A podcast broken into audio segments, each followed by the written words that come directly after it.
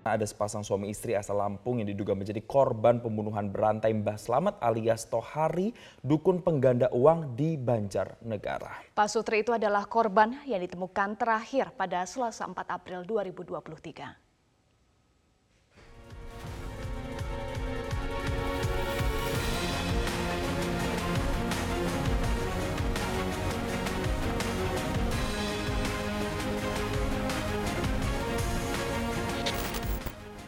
Dua korban dukun pengganda uang Mbah Slamet yang ditemukan Selasa 4 April 2023 lalu sudah berhasil diidentifikasi.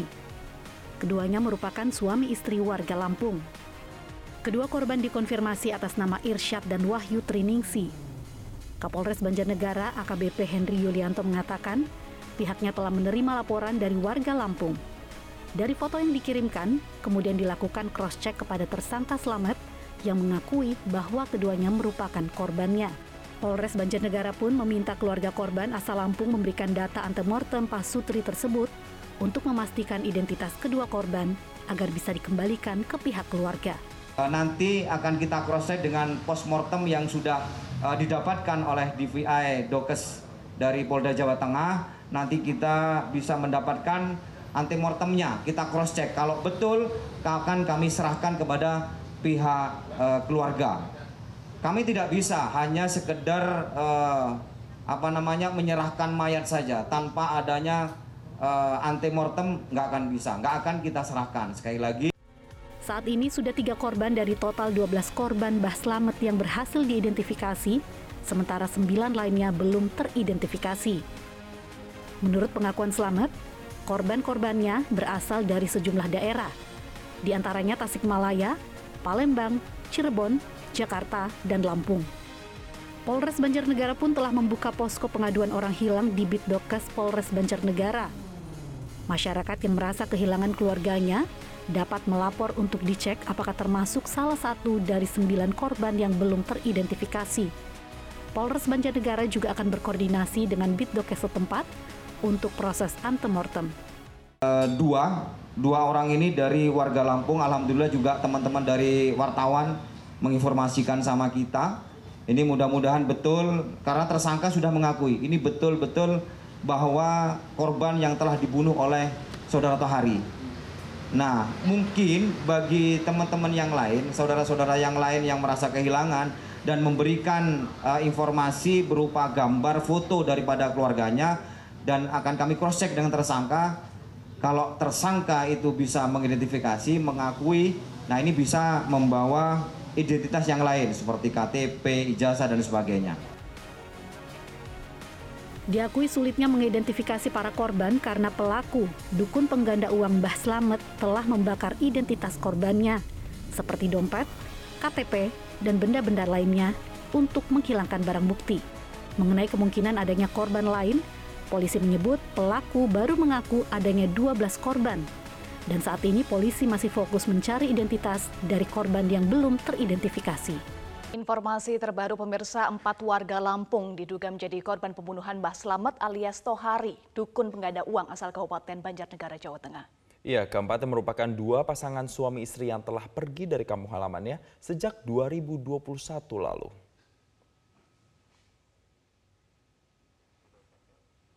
Dua pasangan suami istri warga Kabupaten Pesawaran, Lampung diduga menjadi korban pembunuhan dukun pengganda uang asal Kabupaten Banjarnegara, Jawa Tengah selamat Tohari.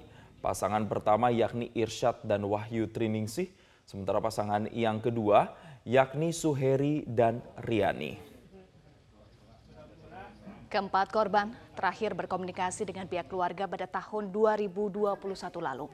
Di lingkungan tempat tinggalnya, Irsyad dan Wahyu Triningsih selama ini dikenal sebagai perajin tapis, sementara Suheri dan Riani dikenal sebagai pemborong atau kontraktor perumahan. Kapolres Pesawaran AKBP Pratomo Widodo membenarkan kabar bahwa empat orang warganya menjadi korban pembunuhan Slamet Tohari. Saat ini para keluarga korban berangkat ke Jawa Tengah untuk proses identifikasi jenazah. Kerabat korban Irsyad dan Wahyu Triningsih mengaku sangat terpukul Selama ini korban dikenal sebagai pribadi yang sangat baik dan ramah kepada lingkungan sekitar. Pemirsa gudang ban, ban bekas milik pabrik penyulingan minyak karet, ban bekas atau rubber chemical oil, meledak dan terbakar. Ledakan yang disertai dengan semburan api meluluh lantakan semua bangunan pabrik. Satu karyawan kritis akibat ledakan tersebut.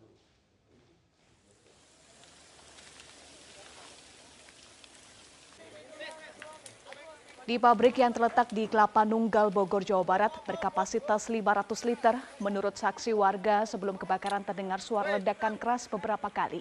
Dan hampir bersamaan bola api muncul dari dalam gudang dan membakar bangunan yang berisi ban bekas yang merupakan bahan produksi pembuatan minyak RCO. Padatnya bangunan sekitar lokasi membuat tim pemadam kebakaran bekerja keras menaklukkan kobaran api yang membesar merambat ke tumpukan ban yang ada di sekitar pabrik. Petugas damkar juga berusaha melokalisir kobaran api agar tidak merembet ke area pemukiman penduduk dan gedung pabrik. Satu orang kritis dilarikan ke rumah sakit terdekat di Cilengsi. Pemirsa jelang masa libur Idul Fitri 2023, Korps Lalu Lintas Korlantas Polri menggelar Tactical Floor Game bersama dengan Direktorat Jenderal Perhubungan Darat dan Ditjen Bina Marga Kementerian PUPR. Tactical Floor Game terkait dengan pola penanganan lalu lintas saat lebaran tahun ini. Digelar di gedung NTMC Korlantas Polri, Jakarta Selatan Rabu 5 April, Tactical Floor Game membahas pengaturan lalu lintas jalan serta penyeberangan selama masa arus mudik dan arus balik angkutan lebaran tahun 2023. Sejumlah Polda maupun Satlantas Polres jajaran dipanggil untuk membiarkan skema di wilayahnya saat operasi ketupat dimulai, terutama wilayah dengan daerah tujuan mudik tertinggi. Kakor Lantas, Polri, Irjen Pol Firman Santiabudi memetakan arus dan rekayasa lalu lintas seperti pemberlakuan sistem one way atau satu arah ataupun sistem kontraflow di ruas tol Jakarta sampai gerbang tol Kali Kangkung Semarang Jawa Tengah. Puncak arus mudik diprediksi akan terjadi pada 21 dan 22 April 2023. Sementara arus balik terdapat dua kali puncak volume kendaraan yakni 25 dan 26 April serta Minggu 30 April dan 1 Mei 2023. Melaksanakan kegiatan penutupan sebelum simpang tol gate dan mengkhususkan kendaraan-kendaraan yang bisa masuk ke tol adalah ini uh, menambah keyakinan kepada kami uh, seluruh stakeholders dan petugas di lapangan tentang kesiapan ini untuk sekali lagi semuanya ditujukan untuk uh, kegiatan kemanusiaan Eh, melakukan kegiatan pelayanan bagi saudara-saudara kita yang melaksanakan mudik dan balik lebaran. Kami menghimbau untuk anggota masyarakat nanti kita harapkan seluruhnya bisa tertib lajur, tertib jalur, tetaplah bugar baik kendaraan maupun uh, awak yang mengemudi kendaraannya, uh, atur kecepatan, toleransi yang tinggi karena mungkin rest area terbatas sehingga apa yang kita himbau di lapangan adalah semuanya untuk kepentingan bersama dari kemarin tahun kemarin 85 juta tahun ini kan 123,8 juta. Untuk Jabodetabek itu ada kenaikan dari 14,3 juta menjadi 18,2 juta untuk Jabodetabek pergerakannya. Dan masih didominasi oleh kendaraan pribadi. Kendaraan pribadi habis itu yang nomor dua sepeda motor. Itu masih mendominasi. Jalan-jalan yang masih menjadi idola adalah jalan tol. Jalan Jawa itu itu yang masih menjadi idola maka jalan, eh, jalan tol itu menjadi sesuatu yang harus kita antisipasi dengan baik.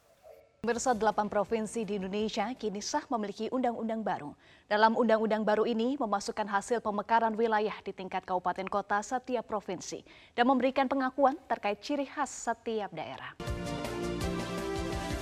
Kini sah memiliki undang-undang baru. DPR RI resmi mengesahkan masing-masing RUU tentang Provinsi Sumatera Utara, Sumatera Selatan, Jawa Barat, Jawa Tengah, Jawa Timur, Maluku, Kalimantan Tengah, dan Bali. Pengesahan dilakukan dalam rapat paripurna DPR RI yang digelar pada 4 April 2023. Menteri Dalam Negeri Tito Karnavian menyampaikan pandangan mewakili Presiden terkait pengesahan 8 RUU Provinsi. Tito mengapresiasi RUU inisiatif DPR ini dan mengatakan pengesahannya dapat memberikan kejelasan dasar hukum, kepastian cakupan wilayah, dan mengakui karakteristik khas setiap provinsi. Selain itu, delapan UU provinsi memasukkan hasil pemekaran wilayah di tingkat kabupaten kota setiap provinsi dan UU baru ini memberikan pengakuan terkait ciri khas setiap daerah. Salah satunya RUU tentang Provinsi Bali yang mengakui tradisi adat dan budaya Bali yang harus dipertahankan. Sehingga dengan demikian, dengan disahkannya ke delapan undang ini, maka ada kejelasan mengenai dasar hukum, konstitusi, kemudian cakupan wilayah, dan pengakuan atas karakteristik khas. Khusus untuk Provinsi Bali akan memberikan juga kepastian perlindungan hukum terhadap tradisi, adat, dan budaya Bali yang memang menjadi kekuatan dan daya tarik utama Bali sehingga menjadi destinasi wisata dunia. Tahu bahwa Bali paling utama daya tariknya adalah kekuatan tradisi adat dan budaya di samping alam. Sehingga dengan demikian kita berharap agar tradisi budaya adat tersebut dapat terus terjaga, tidak tergerus dengan dinamika modernisasi seperti yang terjadi di beberapa negara.